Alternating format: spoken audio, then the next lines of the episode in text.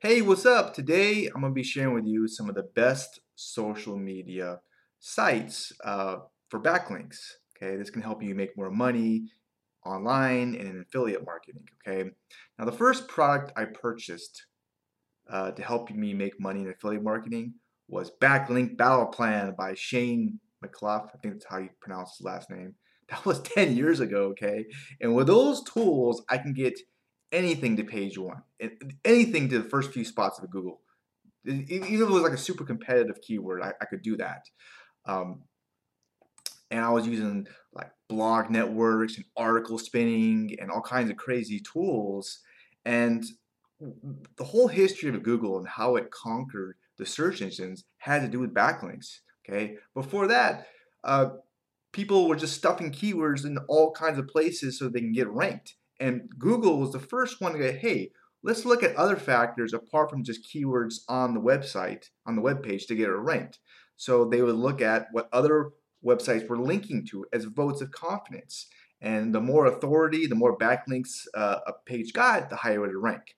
So guess what happened? Everyone went crazy with backlinks. And that's why Google just kind of put a stop to that. It doesn't work as good. Uh, all right. So you can't really game a system like you could many years ago using these black hat SEO tactics and everything like that. Um, now, some people recommend emailing blogs or whatever begging for backlinks, and it's just not as productive as focusing on the end user itself. Okay, so here's an example. Say with YouTube, okay, the more people that click on your video and watch it and continue to watch it, okay, the better you're going to do. All right. Now everyone's going crazy with custom thumbnails. So get more people will click on their video and they can get higher ranked. Uh, whatever, this is the way I look at. Whatever makes your video stand out a little bit more is probably going to get more clicks. So that's the way I look at it at least. And if people comment, like, and share a video, then that's going to help ranking as, as well. Okay, same thing with a, like an article or a blog or something like that. Okay, everything should be for the end user because they vote, and this tells Google who should be number one or who should be a hundred. Okay. Now, of course, it also comes down to supply and demand.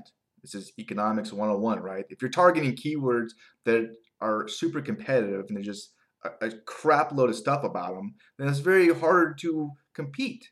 It's, it's going to be very, very competitive, okay? Uh, so it's better to go after keywords that are not very competitive. That way you know your video or article will rank and be seen, okay? All you have to do is make sure that the keyword is in the title, description, the tags, and there you go, okay? Um, and make sure the video is as good as it can be. Now, so if backlinks don't really work too good for uh, well, rankings like a blog, a video. Should you even worry about it? Well, if they can increase the eyeballs and people seeing your your content, then yeah, it could definitely be a good thing. And one of the best places is Pinterest. Okay, the reason why is Pinterest is a search engine in itself, so it can help your stuff get seen. Another one is Reddit. I like Reddit because there's over a million subreddits that are very targeted.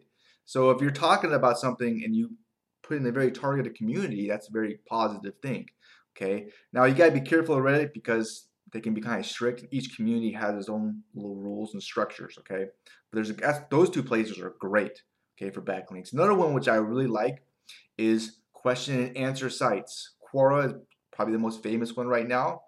You can write about something and then connect to it to your blog or your video or whatever else. Another one is Yahoo Questions and Answers you can use as well. Those are two great places for backlinks. All right. Now, Twitter is something I definitely use as well, and there's a right way to do Twitter and a wrong way, but that can definitely help your stuff get seen more. Now, there's a few social bookmarking sites out there uh, that I still use a little bit because it only takes a minute like Digg, Bitsy, Google Bookmarks, Tumblr, Plurk, to name a few. Uh, but they're just not going to probably they're probably not going to do a whole lot to help you get your stuff ranked. Okay, uh, so I do it because it takes a minute and maybe it's a habit. it probably doesn't do anything though. Uh, but it, so in a nutshell, if you focus on the end user, which is what Google and all the websites are looking at, that's all they care about. They're they're smart. Okay, they, just are. They've gotten they've gotten smarter. You're gonna do better. Okay, that's the main thing to focus on. Backlinks, not so much. Okay, so I hope you got some value from this uh, this video, this podcast on the best social media sites uh, for backlinks. If you did, please hit the thumbs up button. I would appreciate that. That mean a lot to me. Now, lastly, I've been doing affiliate marketing for a long time. Okay, and if you want to discover my number one tip that can really help you make some money, because that's what we're after, right? I mean, let's be honest. I mean, rankings and all that kind of stuff is great, but at the end of the day, you know, we're trying to get paid, right? Yeah.